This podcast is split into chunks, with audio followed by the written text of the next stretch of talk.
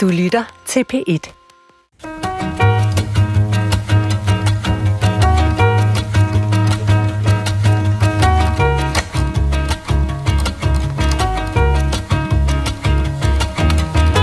Station Kongensgade. Sådan her lyder det, når man kører i bus i København og kommer til Store Kongensgade. Computeren vil åbenbart ikke af S og T med et punktum for kort og store. Det viser, at computernes sprog endnu ikke er så godt, at vi ikke kan høre forskel. Mit navn er Adrian Hughes. Du lytter til Klog på Sprog, og i dag bliver vi kloge på, hvordan vi taler med computer og hvordan computere taler til os.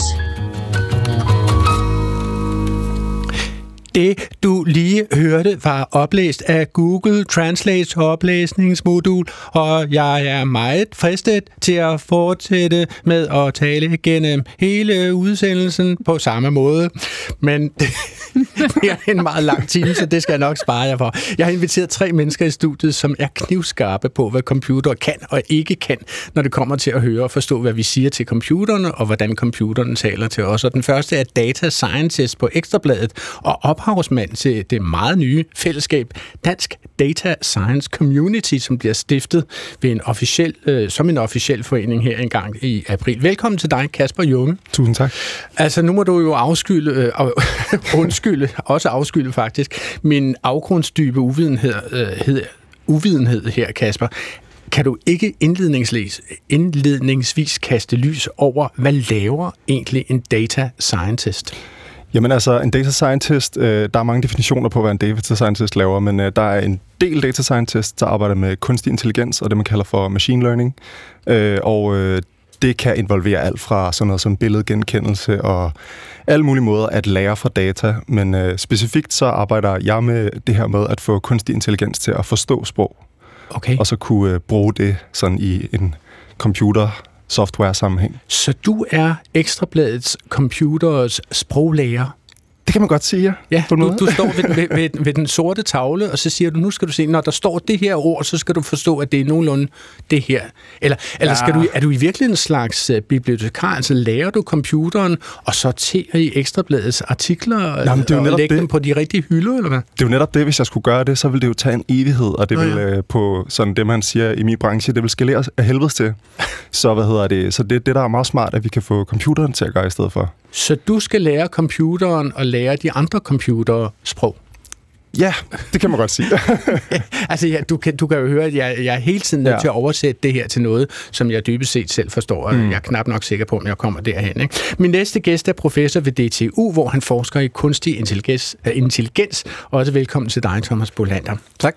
Thomas, altså som professor i kunstig intelligens, så forestiller jeg mig jo, at du omgiver dig med øh, robotter og, og computere, og du sådan set ønsker dem alle sammen god weekend, når du sådan rasler med nøglerne og låser afdelingen af øh, en fredag eftermiddag. Er det det, der ser, er- ser dit arbejdsliv sådan ud? Ja, det er Ja. ja. præcis sådan, det er. Okay, ja.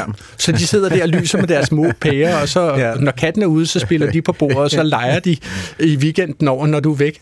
Ja, jeg satser på, at de er slukket, men, altså, men, men da vi fik vores, vi har sådan nogle, nu har vi sådan nogle humanoide robotter, altså sådan menneskelignende, som ser meget meget kære og nuttet ud, og med kæmpe store øjne, sådan lidt, lidt modelleret efter sådan nogle øh, animerede figurer, som, som man, så, så de er meget indbydende.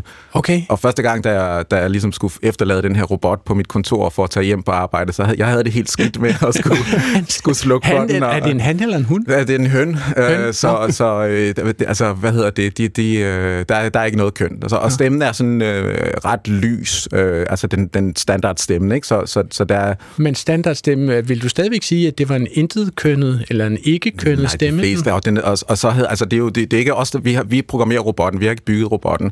Og det hedder en Pepper-robot, og, og, og, og, den, og med den stemme, og sådan, de fleste antager, at det er en, en hund. Nå. Men, men producenten synes, at det, det skal man ikke. Øhm, Men, men du siger, at den helt bevidst er lavet, så den efterligner tegneseriefigurer. Og tegneseriefigurer er jo lavet med henblik på at skabe identifikation. Altså, Ja. vi skal føle for Præcis. Hiawatha, eller ja. Hvem der ja. Ellers kan løbe rundt som tegneseriefigur. Ikke? Ja. Og det gør man især med store øjne. Det er derfor, ja. Alle Disney-figurer har kolossale øjne. ja, præcis. Øh, man har det også i kunstige hundealpe og, og kunstige øh, sælunger, tror jeg, hvis nok man ja. Bruger på, ja. på plejehjem og den slags. Altså, er det en forskning i at, at lave en menneskelig interaktion med den computer, som du i øjeblikket øh, Ja, har, det kan, har ja, siddende? ja, det kan man sige, fordi altså, de her robotter, de er bygget specifikt for, for øh, med, hensigt, eller med henblik på interaktion med, med mennesker. Okay. Og der findes masser af robotter på markedet. Der findes jo masser af sådan industrirobotter, som på en måde er, er mere effektive, og som kan løfte tunge ting, og, Ja. Og som, som på en som anden kan måde- svejse og sortere ting og, og, og, og fylde en Ja, dåse med makrelsalater. Ja, og har kraftigere computer og sådan noget, så man kan, man kan undre sig over, hvorfor vi vælger at lave forskning på, på en robot, som på den måde er, er mindre imponerende. Men det er simpelthen fordi, det gør en kæmpe forskel. Altså mange af de her robotter, de er jo øh, ikke så indbydende at interagere med, for nu at sige det mildt. Altså fordi i det øjeblik, Nej, at du ikke, har en, hvis man kun har en hydraulisk arm, som ja. Kan finde ud af at ja. Hælde en kop te op ja. Ja. øh, uden at spille, så er den ikke særlig sjov at være sammen med. Nej, og selv hvis du så sætter en skærm på, der forsøger at efterligne ansigtsudtryk, så ser det stadigvæk rimelig spooky ud. altså, så mange af de her robotter, de, simpelthen, altså, de ser direkte spooky ud, og man, og man er lidt bange for, om man, om man får øh, Okay. en lussing eller, eller noget, der er værre. Vi vender tilbage til det. Min sidste gæst er noget så sjældent som datalingvist. Hun er dertil også selvstændig sprogkonsulent og tidligere direktør for Dansk Sprognævn. Velkommen tilbage til programmet, Sabine Kirchmeier. Du har jo været her før. Øh, Sabine, nu var jeg så uvenlig at spørge både Kasper Junge og, og Thomas Bolander, hvad de egentlig går og laver. Så spekulerer og det der ord datalingvist, altså hvad betyder det? Øh, Jeg, jeg går ud fra, at det har noget med pasta at gøre. Nej, altså en lingvist er jo en, der beskæftiger sig med sprog, og en datalingvist, det er altså en, der beskæftiger sig med sprog ved hjælp af computer. Og, og hvordan gør man det? Altså, øh, er, du med til at undersøge, hvordan computer lærer sprog? Ja, og også hvilke metoder man kan bruge for at, at give øh, computeren den viden, så den kan håndtere sproget på en fornuftig måde. Okay, godt. Nu fortalte jeg her i begyndelsen af programmet, at, at højtaleranlægget i Movias busser øh, kalder øh, Store Kongensgade for Station Kongensgade, fordi den simpelthen tror, at ST forkortes til øh, station. Og så tænker jeg, altså, hvor svært kan det være, at Altså, Movias busser kører formentlig igennem Store Kongensgade et eller andet sted øh, i nærheden, altså mellem 15 og 23 gange om dagen, eller sådan noget den stil. Altså, nogen burde da lære Movias højtaleranlæg, at Stor Kongensgade hedder Stor... Hvor svært kan det her være, Kasper? Jamen altså, sprog er jo super komplekst, og øh, der er jo ikke et rigtigt svar til, hvordan man udtaler de forskellige ting. Altså, forskellige mennesker vil selvfølgelig også sikkert også kunne finde på at udtale det samme forskelligt, alt ja. efter hvor i landet de boede, eller så videre, så videre. Så øh, det er jo svært at få computeren til at gøre det rigtige, når det rigtige er super fluffy defineret. Men nu er det her jo en fejl, som den gentager at hver gang bussen triller igennem Store Kongensgade. Altså, der må der være nogen, som, som kigger på det der højtaleranlæg og siger, den her skal der lige på værkstedet. Er, er det så svært, Sabine, at fortælle et højtaleranlæg, eller den computer, som, som formentlig med en GPS registrerer, at bussen er på vej igennem Store Kongensgade, eller hvad den gør, og sige lige akkurat her, der skal du lige erstatte øh, station med store? Jamen, altså det er jo fordi, man bare har koblet et talesyntesesystem på de ja. Ord, der står på, øh, på skiltene, så at sige. Ikke? Ja. Og det vil sige, den, den tænker ikke over, at jeg kører i en gade eller sådan noget lignende. Mm. Den har sådan et generelt talesyntesesystem, som kan læse alt muligt op. Ja. Og formentlig så har det været trænet på en sådan måde, at den ikke har mødt ST for, forkortet som store ret mange gange, men den har mødt station, øh, Alberslund station eller sådan et eller andet mere. Ikke? Ja. Og så, så gør, gør, gør den jo det, det her det er flertydigt, det kan både være det ene, det kan være det andet. Og så bruger den statistikken og siger, okay, jeg har mødt det her, så sandsynligheden for, at den, den, det, den, det er den der med station, den største, så den vælger jeg. Så den har sådan set lært af sine erfaringer, eller mm-hmm. af andre computers ja. erfaringer. Den har bare lært noget forkert. Den har simpelthen øh, haft nogle forkerte erfaringer. Ja. Okay. øhm, Altså, Undskyld mig, jeg også både ind der, fordi altså, øhm, man kan jo sige, det, det er jo, altså, så vi, øh, vi, vi bygger systemer, der lærer af erfaringen, men, men der er også en ret stor forskel på, hvad der så sker med mennesker, fordi vi bliver så ved med at, at lære af erfaring. Altså, så, så det her system, det har jo det, det man så trænet, så der er noget talesyntese, og så har man trænet det, og så har man ligesom sat det i værk, og så er det bare det, det er. Hmm. Altså hvis nu... Øh, så du mener, det er fixeret, det, det, Ja, det, ja, ja. det lærer ikke fortsat? Nej, Altså, nej, og, og, øh, og man kan sige, hvis vi nu der kom nogle udlændinge til, til Danmark, og var ved at lære dansk og sådan noget, så kunne det også godt være, at de troede, at det hed Station Kongensgade, ikke? Okay. Men en eller anden dag, så ville der være nogen, der siger, nej, men det hedder, det hedder altså, det hedder Store Kongensgade. Og så, nå, hedder det Store Kongensgade? Jamen, hvad så med det der over, hvor der står ST et eller andet? Jamen, det er så stationen, men det er fordi, at det er den der station dernede. Eller Okay. andet, ikke? Nu lod jeg jo øh, Google stemmesave-service her i øh, begyndelsen af udsendelsen annoncere mit navn som Adrian Hughes, som Google i øvrigt altså udtaler meget bedre end de fleste andre, jeg møder på min vej. Og øh, jeg skal jo bare tilføje, at du lytter til Klog på Sprog.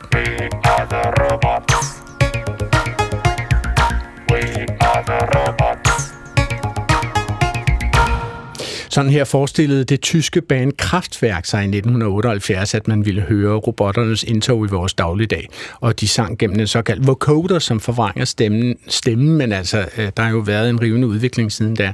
Sabine Kirchmeier, kan man sige sådan helt enkelt, hvad det er ved sproget, som, som sådan indledningsvis gjorde det svært for computerne at nå til en eller anden form for forståelse, en dækkende forståelse for, øh, hvad man skal mene om en sætning? Ja, altså det der er ved sproget, det er dels, at det er flertydigt, som vi var inde på med station, mm. og dels så er det situeret, det vil sige, det foregår i en bestemt kontekst. Mm-hmm. Og det vil sige, hvis du kun kigger på en sætning ad gangen, i en tekst for eksempel, så kan den jo fortolkes på mange forskellige måder. Hvis du har, lad os sige, et afsnit, så kan du inddrage den viden, der er i afsnittet. Du kan, hvis det er en bog, så kan du tage hele kapitler og hele bogen. Men du har jo også udenom bogen den verden, som vi befinder os i, og en viden om, hvordan tingene hænger sammen. Og en computer ved ikke nødvendigvis, at en cykel har cykelslanger, og at det jo ikke er en giftslange, den der slange. Ikke? Altså alle de der ting er jo en, en viden, som ikke figurerer nogen steder i computerens bevidsthed.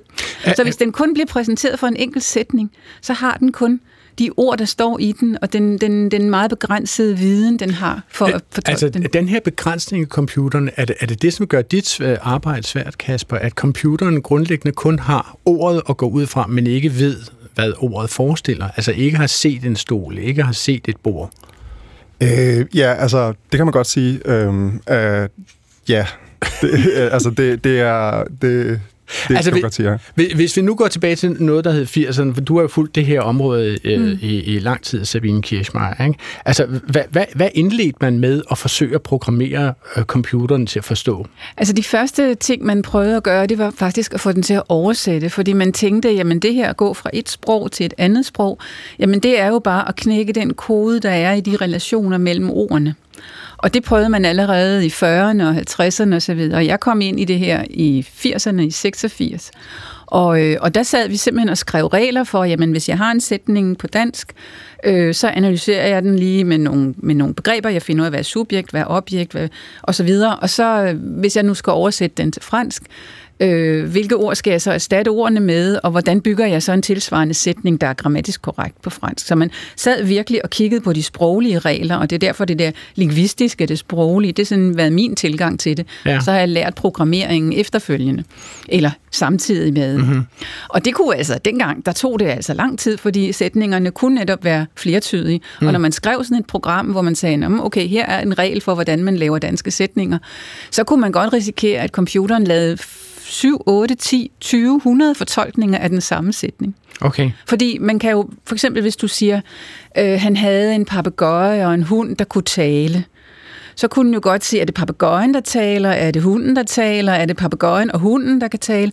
Altså, det der, der kunne tale, det kan jo hænge Så, mange så steder. bare ikke? i den, Bare den, i den ene sætning ligger der sådan set noget underforstået, at vi ved nogenlunde, hvordan en hund ser ud, og mm. vi ved tilfældigvis også, at der findes papegøjer, der kan tale mm. enkelte, øh, yes. Hvis man lærer dem det. Ja, så der er noget semantik i det, ikke? men der er også noget syntaks, altså rent hvordan, teknisk, hvordan øh, ligger ordene i forhold til hinanden. Og så er der endelig ordenes betydning. Det ord som der, det Ja. ja. kan jo betyde virkelig mange ting, Okay. afhængig af, af kontekst. I, i, I går på redaktionen, der sad vi og talte om den, øh, den, den sådan en slags klassisk vittighed, har jeg forstået, som man fortæller i programmørkredse, altså at man sender en robot ned for at handle med ordren, køb en liter mælk, og hvis der er økologiske æg, så køb 20. Og så kommer robotten hjem med 20 liter mælk, fordi der var økologiske æg. Altså, Thomas Bolander, hvor, hvor svært er det at forklare en robot, at man aldrig køber øh, 20 øh, liter mælk, men at man ofte køber 20 økologiske æg? Jamen, nogle gange så køber man 20 liter mælk, så, men det Ja. gør man ikke så tit. Nej, men det er klart, så, så der skal man jo lære, og det er også derfor, de der statistiske metoder er, er blevet så, har fået så stor indflydelse, i stedet, i stedet for det her med at bare grammatisk oversætte, fordi netop det her med sproget er så, så kontekstafhængig, ikke? at det er en eller anden situation. Fordi det kunne jo godt være, at, at øh, det, altså, det, hvad ved jeg, hvis det nu var en børnehave eller et eller andet, og de, de serverede mælk til frokosten, øh, men meget sjældent så lavede de æg. Og så var det, mm. så, og så var det faktisk den, lige pludselig den oplagte fortolkning, at det var øh, mælk Så Thomas, det du fortæller mig, det er, at den her robot var faktisk slet ikke så dum, som jeg står jo, her jo, og, jo, jo, den er, så, selvfølgelig er den så dum, fordi... den, det, det kunne faktisk godt være, at det Ja. er brug for 20 ja, ja, jamen det, ja, det kunne det godt, og, og det har man så alligevel ikke. Men, altså, men det, det er jo bare, det viser bare, hvor øh, tydeligt, altså at den her flertydighed, og vi tænker jo ikke normalt over det, når vi går rundt og taler med hinanden, og det fungerer skide godt. Altså det, det, indimellem så går det jo også galt, når vi mm. beder hinanden om at gøre noget, og så bliver vi misforstået. Men vi er jo ufattelig gode til det her med at forstå hensigten ud fra konteksten. Og man kan også godt sige, at, at, at dem, der har erfaring med at snakke med Siri på iPhone eller, eller Google Now eller sådan et eller andet, de vil jo også, altså jeg tror, de fleste mennesker har oplevet det der med, at man bliver fejl, altså man bliver øh, fejlforstået. Fejlforstået, ja. Fordi at, at der er et eller andet omkring konteksten, som, som, som ikke, bliver, ikke, bliver- ikke bliver opfanget. Men, Men det, at vi kommer ind i de her stati- altså mere statistiske metoder, ikke? Mm. det er jo, at vi træner på Øh, altså vi træner algoritmer på faktisk talt sprog, eller faktisk skrevet sprog, som gør... Det skal du forklare. Altså, I træner algoritmer, allerede, allerede der tabte du mig. Ja, I okay. træner algoritmer på faktisk talt sprog. Ja. Hvad vil det sige at gøre det? Jamen det vil så sige, at i stedet for at, at lave det her computerprogram, hvor du sætter dig ned og laver nogle regler og siger, nu, nu finder vi subjekt og objekt, og så finder vi ud af... altså, så har- lave en grammatisk analyse. laver, laver en grammatisk analyse, og så slår vi op i en ordbog, og så kan vi oversætte fra det ene til det andet. Det var sådan, det var der, det startede i 40'erne og 50'erne. Det gik meget dårligt, ikke? Så det, man så gør i dag, så meget af det, man har, det er ligesom, at man i stedet for siger, "Nå, men lad os prøve at se på det her sådan fra et statistisk synspunkt. Okay. Så hvis det, snak, hvis det handler om sprogforståelse eller oversættelse, hvis det handler om oversættelse, så hvis vi har en hel masse tekster på begge sprog, så kan vi ligesom få en, en, et computerprogram til at begynde st- at se statistiske sammenhæng. Hmm. Så hvis jeg, altså hvis jeg for eksempel siger, at jeg vil gerne have en, øh, jeg vil gerne have en kop dejlig varm, et eller andet, ikke? Øh, og så siger jeg ikke mere. Så kan man sige, hvordan skal en robot kunne vide, hvad en dejlig kop varm hvad? Altså, øh, det, det kunne jo være kaffe, men det kunne... Det kunne være- kakao. Det kunne være... Ja, nu, nu, nu, kunne nu være- slår vi bare spunsen Ja, ud. nå, men det kunne være- Og lad fantasien Det kunne være øh, tis eller kakaobolcher, eller altså hvor, hvor skal hvor skal, hvor skal ja præcis. Bamse. Ja, hvor skal robotten vide det fra? Men det kan, altså, og det gør den jo ikke i udgangspunktet, medmindre vi på en eller anden måde fortæller den det. Og så Ja. enten så programmerer vi det, altså enten så fortæller jeg den det, fordi jeg ved godt, hvad, hvad, hvad afslutningen af sætningen er. Hmm. Eller så viser vi den så mange eksempler på sprog, at den kan gætte det. Og det kan de her trænede øh, algoritmer nu. Men Kasper Junge, er det det, der foregår i computerne på Ekstrabladet på Rådhuspladsen? Ja, men det er det. Altså, nu, nu snakker du meget om sådan talsprog, og Ja. når du taler til, og det går ud fra, at det er også mange folks oplevelse med, altså, det, det er det, mange folk tænker på, når de tænker på sprog og computer og sådan noget. Ja. Øh, men hvad hedder det, og, og det har jeg ikke så meget erfaring i med hen- lige det, så det var derfor, Nej, jeg var men, sådan lidt men, øh, men du grøn har, der med ja, men du har vel nogle webcrawler, eller hvad sådan nogle Ja. mærkelige maskiner hedder, øh, som, som læser Ja. tekst, som er outputtet fra Ekstrabladet, går Ja, fra. nu skal du høre, altså det vi gør, prøver at gøre på Ekstrabladet, det er, at vi prøver at bruge kunstig intelligens til at forstå vores artikler. Så vi, øh, jamen simpelthen at prøve at få en eller anden forståelse, semantisk forståelse af, hvad, hvad der foregår i vores artikler, således at vi kan lave en bedre brugeroplevelse på ekstrabladet.dk.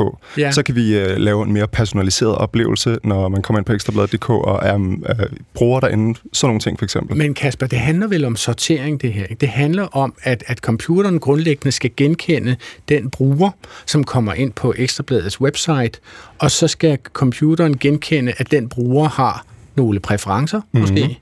Og så skal øh, Ekstrabladets computer ligesom sortere, hvad der ligger på hylderne i en pakke, pakket i cellofan, mm-hmm. med en lille sløjfe på, som den bruger synes, mm, dejligt, det var lige, hvad jeg havde brug for. Ja. Er det det? Det kan man godt sige. Det kan man godt sige. Det er en af vores øh, use cases i hvert fald, ikke? Og der kan man sige, at der, øh, man, altså, man skulle næsten skylde sig selv den øh, øvelse at prøve at lære bare det lille smule programmering, Ja. og så sidde at skille sådan nogle tekster herad, og prøve at lave de her regelbaserede ting og sager, fordi Okay. man finder ud af, at øh, der vil altid være undtagelser til de regler, du laver, og kom, sprog er simpelthen så komplekst, ja. så det er sådan en altså, ret, nu sagde du øh, for eksempel ordet use cases. Ja. som betyder hvad? som betyder øh, situationer, hvor man kan bruge kunstig intelligens, øh, der forstår sprog.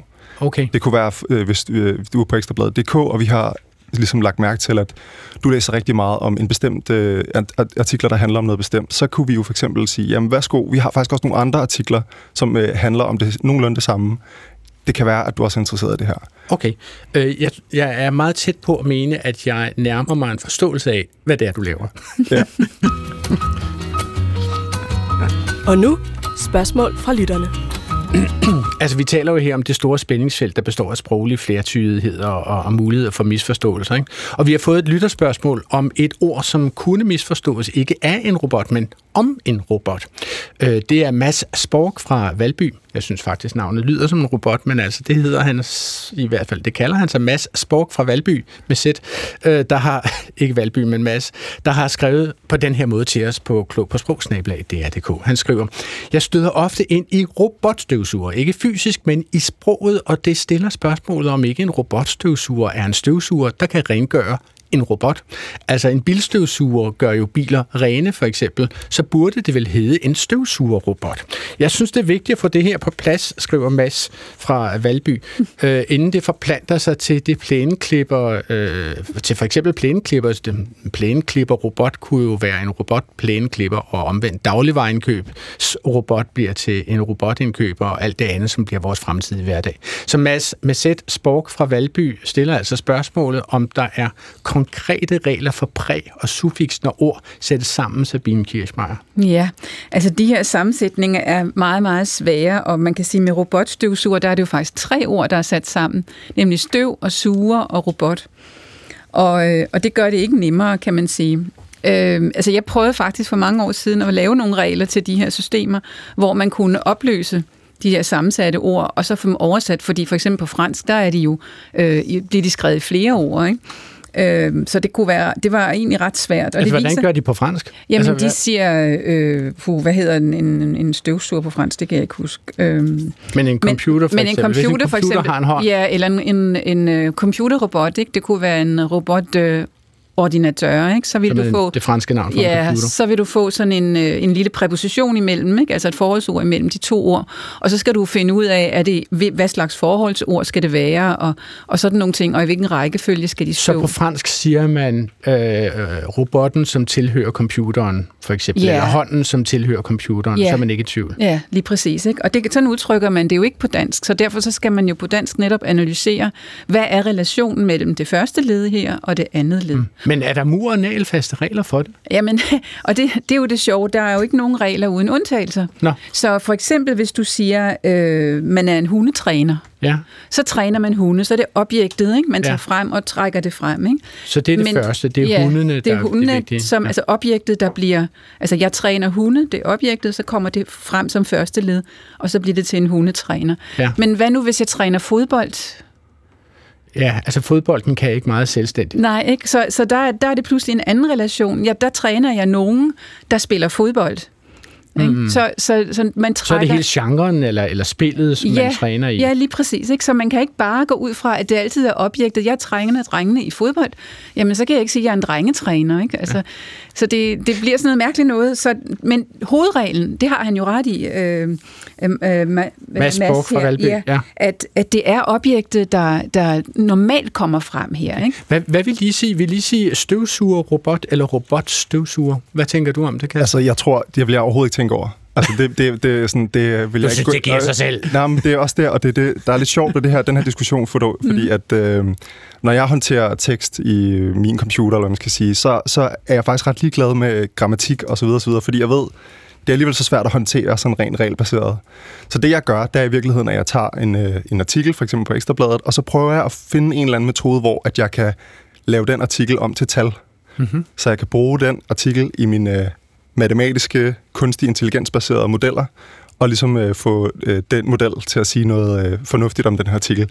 Øh, og der, der er en af de, øh, de, øh, de fede ting ved, ved matematik og kunstig intelligens, at man kan få computer til rent faktisk at forstå semantikken og alle de her forskellige ting, mm. hvad der menes i sprog. Men rent statistisk, så vil robotstøvsuger komme ud som det korrekte. Nå, okay. At så folk siger mest robotstøvsuger. Ja, som en støvsugerrobot, det er det mindst, mindst almindelige, så at sige, statistisk. Okay. Så hvis vi bare går med det, som folk bruger mest, og det sprog, som er mest brugt, mm. øh, så er det robotstøvsuger? Ja.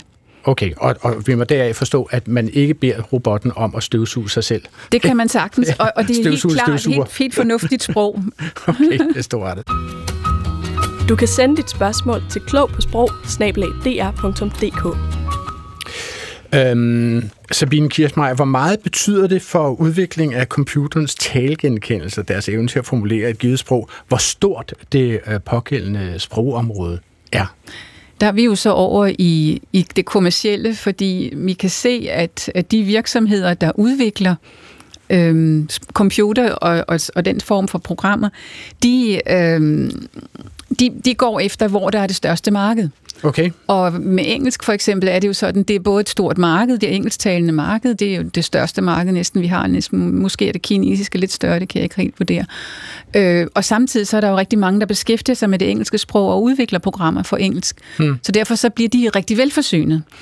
Til gengæld så er der jo ikke så mange, der taler samisk eller grønlandsk, og øh, det betyder, at, at de går under radaren for de store virksomheder, som udvikler sprogteknologi, mm. Og derfor så bliver de ofte underforsynet. Så et sprog Men... skal helst have en god volumen, mm. og det skal være et godt marked for, at det faktisk får den øh, sprogteknologi, som det fortjener.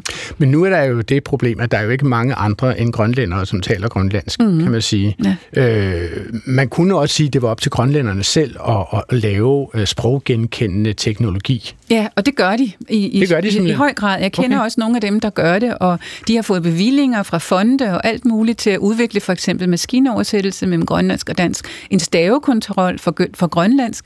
Okay. Men når de så henvender sig til Microsoft og siger, øh, nu, kom, nu får I den her, og det er lavet sådan, så I bare kan plukke den ind i jeres øh, Microsoft Word, Øh, vi skal ikke have noget for den, vi vil bare gerne have, at når grønlænderne de bruger Word, så kan de bruge den grønlandske stavekontrol. Det får de nej til af, af Microsoft, og det er de jo enormt frustrerede over, at de ikke kan få lov til. Selvom de præsenterer programmet på en tallerken for dem, så, så vil de ikke røre ved det.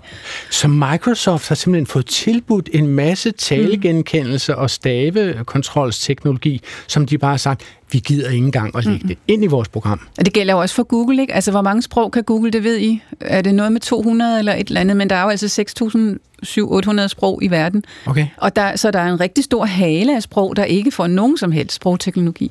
Altså, Kasper Junge, må, må jeg spørge, er det, er det sådan noget her, I arbejder med, når I kommer til at stifte jeres forening, øh, Data, Dansk Data Science Community, altså at sikre, at, at dansk også bliver brugt i talegenkendelse og, og stavegenkendelse osv.? Ja, det er faktisk det er også noget, vi har arbejdet med her det seneste år, hvor vi har forsøgt at udvikle de her rimelig store og meget ressourcekrævende sprogmodeller. De, er meget, de kræver rigtig meget tekst at uh, træne sådan nogle sprogmodeller her, og de, uh, ja, de kræver meget computerkraft at uh, træne, så det er utrolig dyrt og meget ressourcekrævende. Okay. Jeg troede slutter. Jeg troede,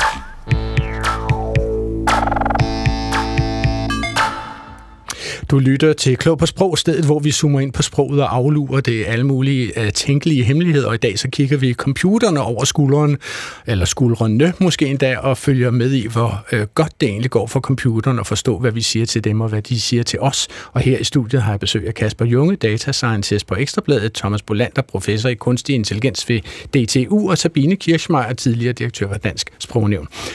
Og nu spillede jeg jo det her i indledningen, hvor, øh, hvor Googles stemmeservice læste op på baggrund af en tekst, som jeg havde sat mig ned og skrevet. Ikke? Og jeg er sådan set ret imponeret over, hvordan det går med det.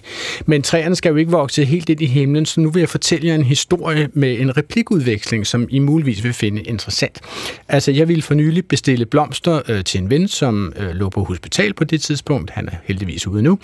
Øh, og det valgte jeg at gøre gennem øh, firmaet Interflora. Og noget med den her bestilling gik galt, så website website hægtede mig af, før jeg fik bestilt et kort til den her buket. Og det var en stor ballade, fordi han skulle meget gerne vide, hvem han havde fået buketten fra. Han havde sikkert også fået buketter fra andre. Så jeg kontaktede kundeservice og kom i kontakt med en chatbot, som kalder sig Flora, som meget gerne ville hjælpe, måtte jeg forstå. Ikke? Og så øh, skrev jeg, hvorfor kan jeg ikke få et kort med til min buket? Hvor til Flora svarede, jeg fangede ikke helt din besked, fordi jeg er ny i job, kan jeg bedst forstå dig, når du bruger knapperne. Hvis du skriver en besked, må du gerne prøve at holde det kort og præcist. Jeg prøver mit bedste, men er jo stadig kun en robot. Smiley oven i købet. Tryk tilbage-knappen, så prøver vi igen. Så skriver jeg, jeg siger jo bare, at jeg gerne vil bestille et gavekort til min buket. Så svarer den, It seems like you are writing in another language than Danish. Currently, I'm only able to help you in Danish. Nå, jeg skal jo nok svare, spare jer for fortsættelsen her. Ikke? Altså, hvad, hvad, hvad er det, der er gået galt for mig og Flora i vores kommunikation her, tror du, Sabine?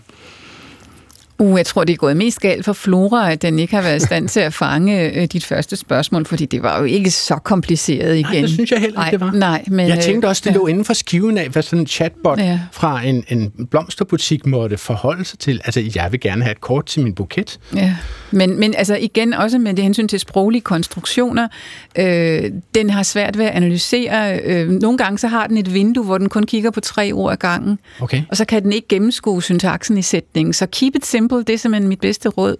Altså, jeg var simpelthen for velform... Eller jeg Du- brugte for mange ord. Ja, du kunne bare have sagt, kort mangler, kort, punktum. Kort mangler på buketten. Jamen, det, jeg går tilbage. Den er, den er der jo stadigvæk. Jeg kan jo stadigvæk opsøge den, så vil jeg spørge den om det nye.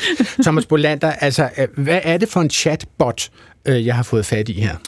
Jamen altså, det der er jo meget vigtigt at forstå med de her chatbots og den her type, det er, at de er forudprogrammeret til alt, hvad de kan, kan håndtere. Så, så der er ikke noget, altså hvis du spørger om noget, som programmøren ikke har tænkt over, at nogen kunne spørge om, for eksempel, at der kunne ligge et kort Ja, for eksempel, at du har glemt, fordi det gør, det gør man jo ikke. Det er der jo ikke nogen, der har tænkt over, at det kan lade sig gøre at glemme sådan noget. Det er jo, det er jo, det er jo bare dumt. Hvordan er det muligt? Ja, det var selvfølgelig dumt i udgangspunktet. Det er rigtigt. Tak for efterkritik.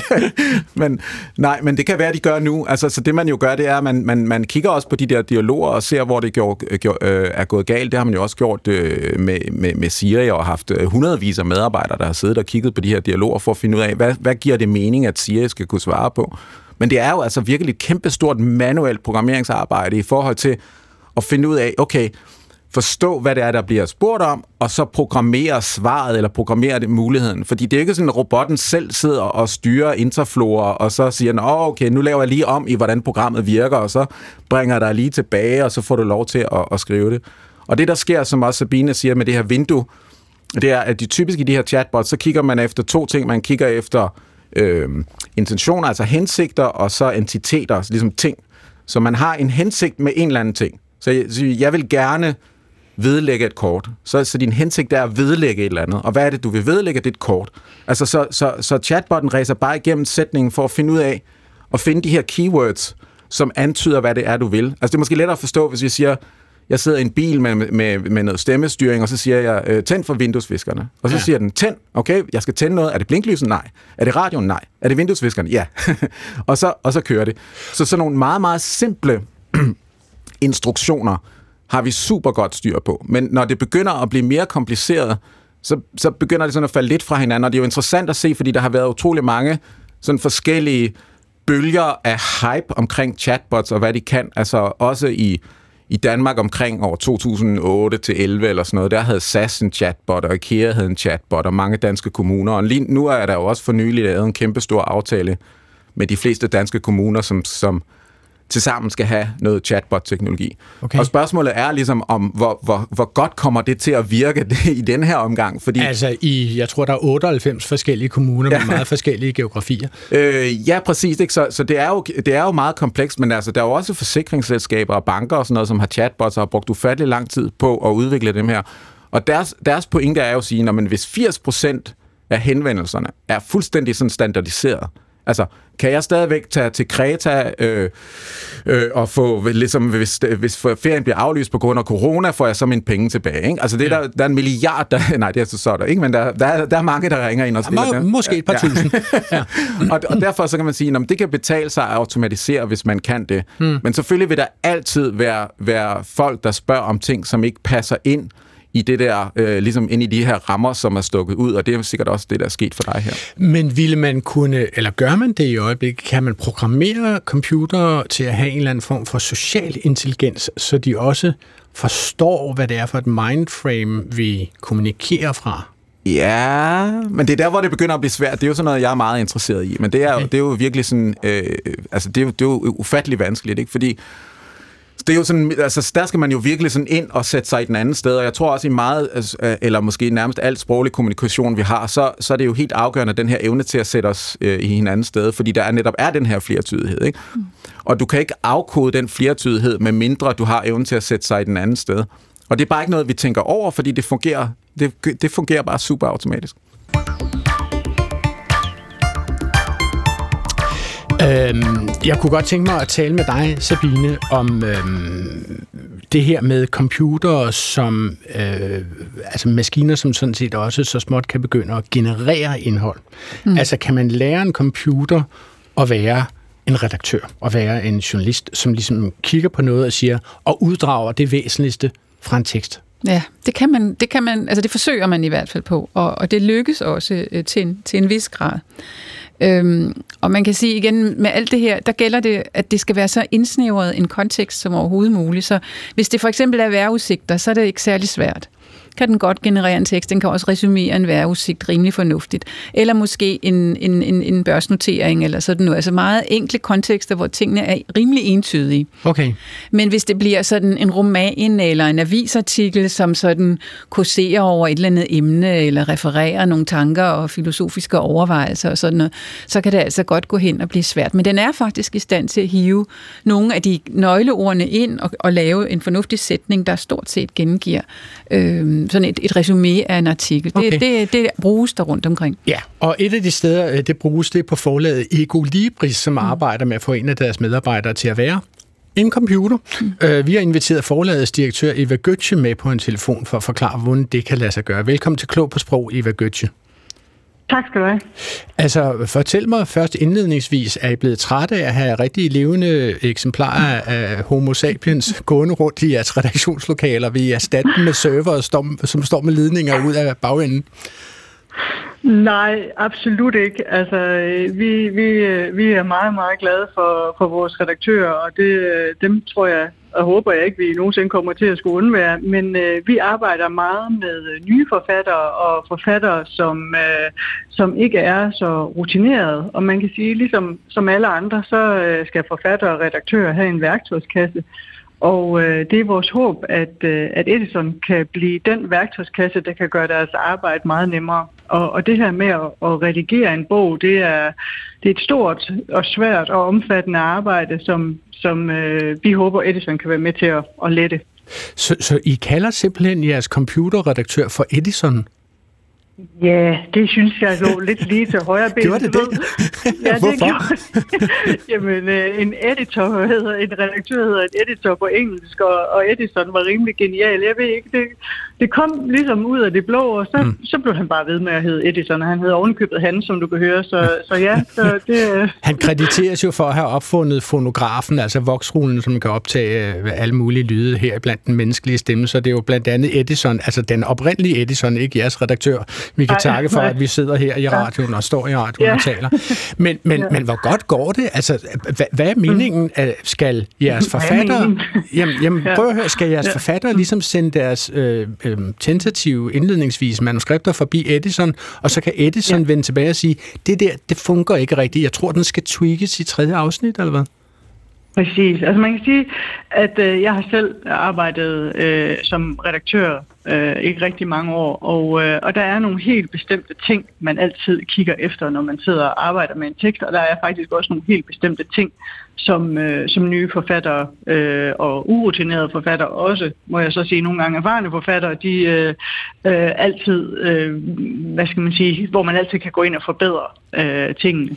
Må jeg spørge, og, hvad, og hvad er det for nogle helt konkrete ting, I vil Altså, hvad, kigger I efter sådan store begyndelsesbogstaver, semikolon og øh, anførselstegn, eller hvad, hvad er det, I kigger efter? Eller hvad er det, Edison kigger efter?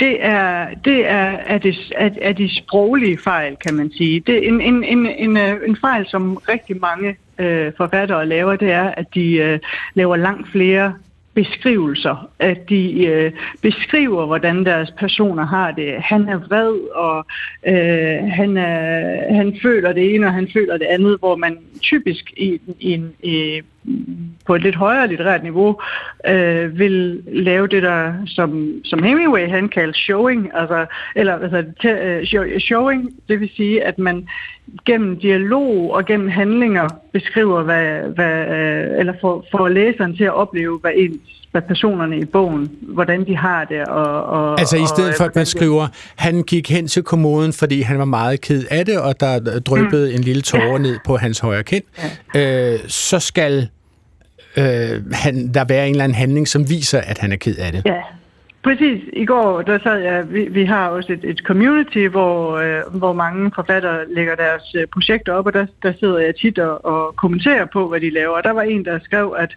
at øh, han samlede grædende hunden op, mens tårerne trillede ned af, af kinderne. Øh, vil sige, han både skal være grædende og, og tårerne triller ned af kinderne. Det, det, det vil sige, så har man ligesom forstået budskabet. Og, øh, og, og, og der kan man jo gå ind både og arbejde med, øh, med tillægsord og øh, hvad hedder det, ord, der ligesom indikerer, øh, at altså, man, man... Men gør Edison det? Altså sender Edison ja. sådan et manuskript tilbage, og understreger mm. Edison så mm. henholdsvis grædende og øh, med tårne trillende Altså, er der så en rød streg ja. under de to begreber, mm. hvor Edison gør øh, forfatteren opmærksom på, her må du vælge? Mm.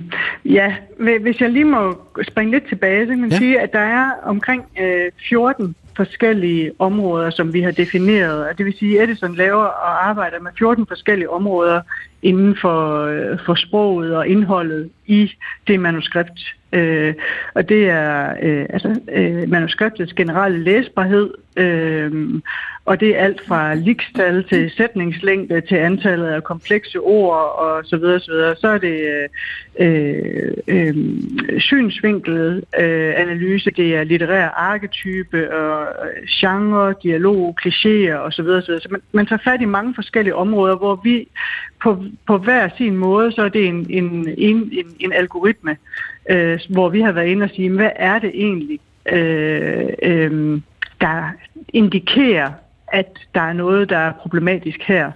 Øh, lad os sige sådan noget som, som, som tillægsord. Øh, der har vi simpelthen øh, lavet manuelle lister over, hvad, hvad tillægsord er, og, og, og, og så er Edison trænet på øh, over 3.000 øh, bestseller, hvor han så går ind og, og tager sammenlignelige bøger i forhold til genre og målgruppe, og, og sammenligner med øh, øh, for eksempel på området tillægsord, hvordan, men, hvordan det ser ud. Men Eva Götze, det som man, jeg ikke kan lade være med at spørge om her, det er selvfølgelig, at bliver, bliver alle øh, historier og, og bøger fra forlaget Ego Libris så øh, mm. ensrettet, fordi Edison har været inde over og strømligne dem Mm. Det, det er jo et, et naturligt spørgsmål at stille, men altså, the secret sauce i enhver bog er jo det, der hedder kreativitet. Og øh, fordi man giver to tømmer en, øh, en værktøjskasse og beder dem om at bygge et hus øh, på hver deres måde, så, så bliver huset næppe det samme hus.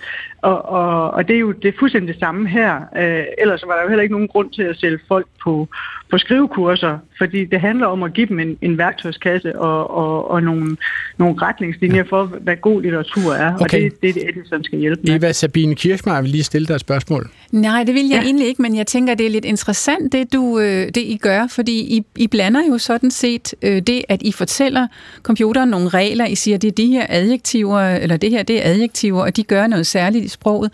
Og samtidig så træner I øh, statistisk på det. Er det sådan, I, ja. I arbejder? Mm-hmm.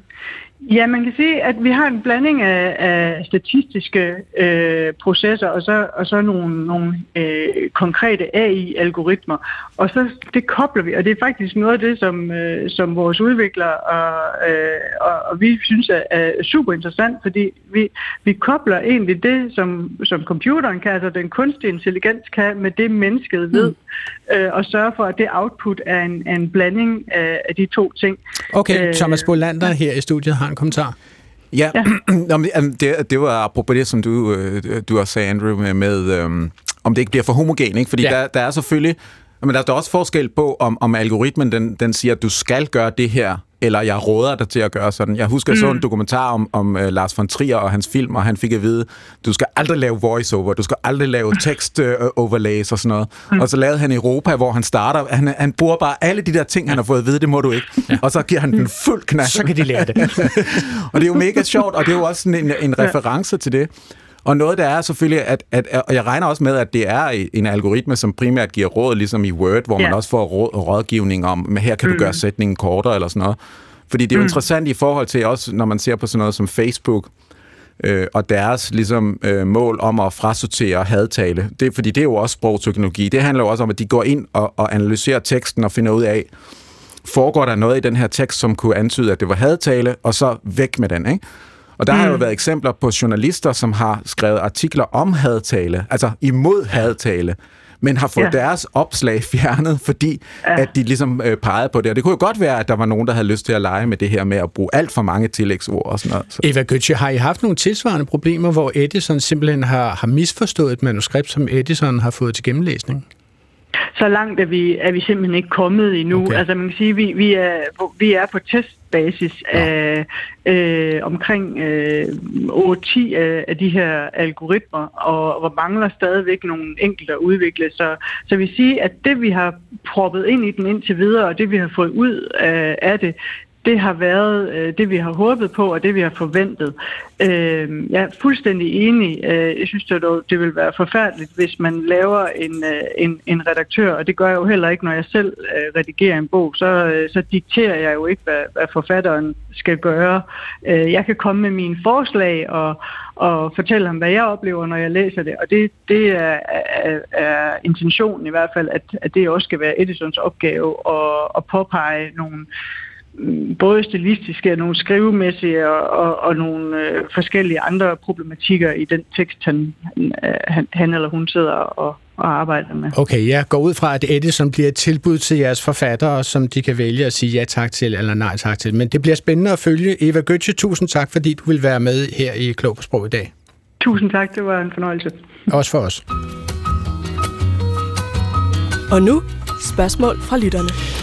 Øh, Fordi vi har jo talt om, om Edison, som jeg sådan set opfatter som en slags virtuel øh, redaktør, eller det kunne man godt finde på at kalde ham. Og nu har vi i disse her forhåbentlig forgangne coronatider modtaget flere henvendelser om netop ordet virtuel. Niels Harbo fra Valby spørger, om ikke ordet er brugt forkert for tiden. Han skriver, hmm. øh, det er blevet almindeligt at sige virtuel undervisning eller virtuelt møde, jævnfør begreber som virtual reality, altså virtuelt skulle være noget, der er kunstigt. Det er en computerskabt virkelighed, som anvendes i spil, eller for eksempel hvis en pilot skal lære at flyve i en flysimulator. Men hvis man holder et møde med sine kolleger, eller man underviser virtuelt, er der så vel er der vel egentlig snarere tale om et digitalt møde eller on- online undervisning, skriver han, og dermed ikke virtuel undervisning. Det er jo kolleger, man mødes med, og ikke robotter eller kunstige simuleringer af ens kolleger. Det skriver altså Niels Harbo fra Valby. Sabine Kirchmeier, øh, hvad skal vi mene om det? Jamen, altså, jeg håber, at, øh, at Kasper og, og Thomas her kan komme med nogle øh, input også, fordi jeg har spekuleret en del over det. Altså, virtuel øh, kommer fra fransk, og det er sådan noget middelalderlatin, og det betyder noget med, det indeholder en indre kraft og en mulighed, og vi har helt glemt, at det er oprindeligt afligt af mand. Øh, men det er noget, der har et potentiale, kan man sige, ikke? Og så forestiller det altså noget, som er kunstigt og uvirkeligt og ikke eksisterende osv. Og øh, det er blevet mere brugt nu, fordi vi snakker om virtual reality, hvor man har sådan en figur, der vandrer rundt i en, et computerlandskab. Og det er sådan det, man tænker på, når man hører virtuel. Men, men altså, giver I mig ikke ret i, at når man sidder foran en computer og ser nogle mennesker på skærmen, så er det altså ikke de mennesker, man ser. Så ser man nogle pixels på skærmen. Det er lige så virtuelt, kan man sige, som, som en, en ja, der er computervirksomhed. lighed med de, pro, med Ja, de ja, kolleger, man selvfølgelig. tidligere har Men, men kontoret. du sidder ikke over for dem. Altså, det kunne i princippet godt være noget andet. Kasper, hvad, hvad, hvad tror du, skal vi til at kalde møder for virtuelle møder, eller online møder, eller bare sådan telefonkonferencer? Øhm, jeg plejer at kalde det remote-møder. Hmm. Remote møder? Ja. Nå, okay, det er friskt Ja, bud. så det- Hvad siger du, Thomas? Jamen, jeg vil kalde det cybermøder eller sådan noget, ikke? Altså, mm. Fordi mødet er jo ikke virtuelt. Altså, platformen er virtuel. Ja. Og så der er en simuleret virkelighed med, med nogle med, med, at vi ikke er der til stede fysisk. Ikke? Men altså, det der ting, der foregår på internettet, kalder vi tit cyber, ikke? så det kunne man kalde det. Det er så ikke mm. måske særligt dansk ord, så det skal vi overveje, om vi kan finde noget bedre på dansk, men ellers et cybermøde. Mens vi står øh, og taler om det her med det virtuelle, så vil jeg lige spole en lille smule frem øh, øh, og, og fortælle jer om noget, som jeg altså sådan set mener er virtuelt, men det kan være, I vil rette mig i det. Altså Bornholm har påtaget sig den opgave at fortælle nyheder med en konstrueret avatar. Altså, jeg siger så ordet, en virtuel nyhedsoplæser, som øh, ligner en lidt yngre og lidt slankere virtuel udgave af Vibeke Hardkorn. Og nu kan I høre, hvad, hvad den her... Hun, hun hedder Bridget, hun har et navn, hun hedder Bridget, og her er, hvad hun øh, fortalte øh, de måbne øh, Bornholm på websitet i går øh, torsdag. Nyheder fra Bornholm nu. Tal fra Trafikstyrelsen viser, at Bornholms Lufthavn har en markant fremgang i antallet af passagerer sidste år. Med knap 183.000 passagerer var der en stigning på næsten 50.000 rejsende i forhold til 2020. Du kan læse flere nyheder på www.bornholm.nu. Tak, fordi du kiggede med. Og på gensyn. Og det følges jo altså af et billede på skærmen, hvor hun smiler til os og har et lille glimt i øjet, øh, hælder lejlighedsvis fra den ene side til den anden side med sit hoved, får sådan en kække små hoveddrej, at det er næsten som om hun er gået til den samme skærmetræ- skærmtræning, som jeg har i sin tid. Jeg synes, det er stærkt, stærkt skræmmende.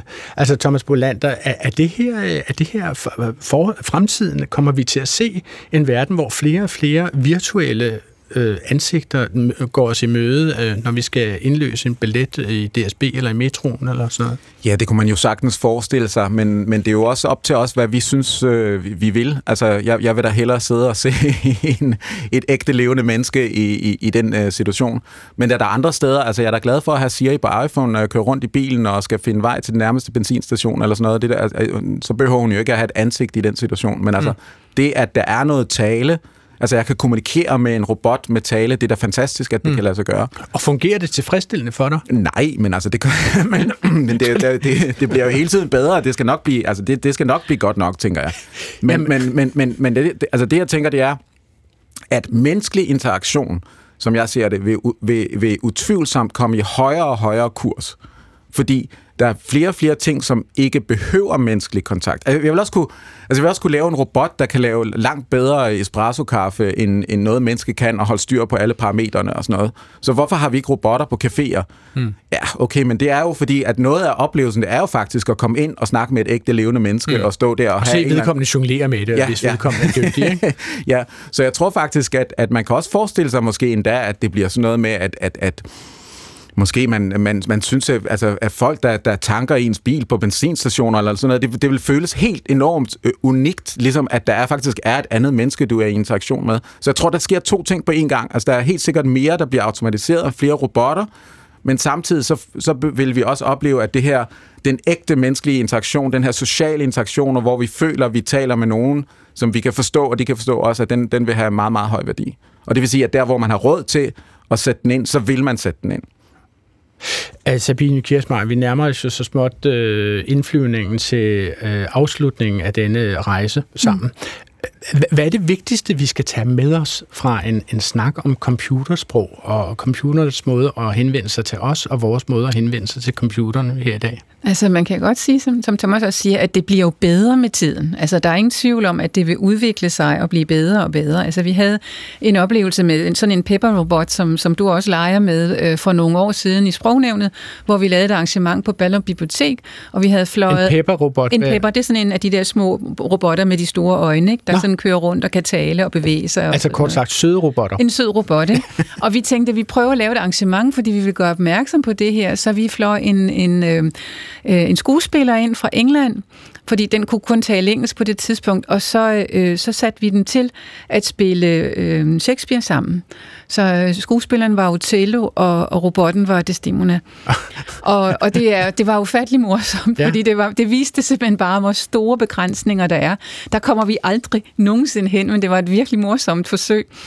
Øh, hvorimod altså, alle de her små praktiske ting også, som Kasper er inde på, ikke? At, at, man kan, at man kan få hjælpemidler til mennesker, at man kan gøre det kedelige arbejde øh, hurtigere, man kan, man kan få nogle informationer, som man ikke har kunnet før. Det er det, der, der kommer til at drive vores samfund fremover. Men, men hvor meget arbejder du personligt for, at, at, at den her teknologi skal brede sig over så mange sprogområder som muligt? Altså dansk bliver jo ikke talt af særlig mange mennesker heller, ikke? Nej. Altså en lille smule flere, end der taler grønlandsk, men ikke særlig mange jo. Nej, men, men altså, EU er faktisk vores bedste ven i den her sammenhæng, fordi EU øh, har et, en erklæret målsætning om at dække så mange sprog som muligt inden for Europa. Og de har projekter i gang nu. Der er faktisk en konference her øh, på mandag fra det franske EU-formandskab, hvor de diskuterer, hvad kan vi gøre for at bevare den her sproglige mangfoldighed, som vi jo kender fra i Europa, og, og hvor vi virkelig har en, en kæmpe mængde sprog. Så man er ved at kortlægge, hvordan har også de mindre sprog, det, dialekterne, hvordan har de det rundt omkring? Hvor god øh, forsyning har de med, med teknologiske hjælpemidler? Og hvad kan man gøre for at, at få alle med? Det er faktisk et, et EU-projekt, som jeg synes er virkelig imponerende, og som jeg for øjeblikket arbejder rigtig meget med. Kasper, må jeg spørge dig, altså hvor stort et problem er det for, for jer på Ekstrabladet, at Ekstrabladet skrives og redigeres og udgives og læses på dansk? Jamen altså, det er, altså, det, vi, vi er ret godt med på dansk. Øh, Er vi det? Vi, men det er vi, vil jeg sige. Der, er jo, der findes jo nogle sprog i, i verden, hvor at, øh, der nærmest ikke findes noget tekst i, i, på det sprog. Så jeg tror, at de har, de har meget mere arbejde at gøre, fordi de skal, skrive, de skal ligesom skabe en masse tekstressourcer, hvor vi har trods alt rigtig meget skrevet ned i der, på, på dansk, som vi kan modellere og lave kunstig intelligens med. Øhm, men hvis man ser øh, dansk sprogteknologi i forhold til øh, sådan, som engelsk for eksempel, så er vi et, et, et stykke bagud. Men altså, vi er ikke helt tabt banevogn øh, i Danmark øh, endnu. Altså ikke helt så banevogn, som, som chatbotten Flora var, da jeg Nej. talte med den på Interflora. Godt. Jamen altså, øh, vi er sådan set ved vejs ende på Klog på Sprog i dag. Vi har jo talt om øh, computerens sprog med Kasper Junge, data scientist på Ekstrabladet, og det tror jeg nok, vi hen ad vejen muligvis forstod, hvad det var. Øh, Thomas Bolander, som er professor i kunstig intelligens ved Danmarks Tekniske Universitet, eller hedder det Teknologiske Universitet? Nej, det var rigtigt. Teknisk Universitet, og Sabine Kirchmeier, tidligere direktør for Dansk Sprognævn. Udsendelsen her er tilrettelagt af, jeg vil nærmest sige især, tilrettelagt af Clara Witt og af Svala Sigfuser som også stod for teknikken og blev præsenteret af mig, Adrian Hughes, som ikke endnu er blevet erstattet med en robot. Men hvem ved, efter dagens udsendelse kan det jo være, at det lysner for robotterne. I kan nå os med øh, kommentarer, debat og spørgsmål per mail til klog på sprogsnabelag.dr.dk. Det her program ligger som alle andre P1-programmer klar som podcast hvor som helst og når som helst i en lomme nær jer, når I føler for det. På genhør næste fredag op til middagsradioavisen.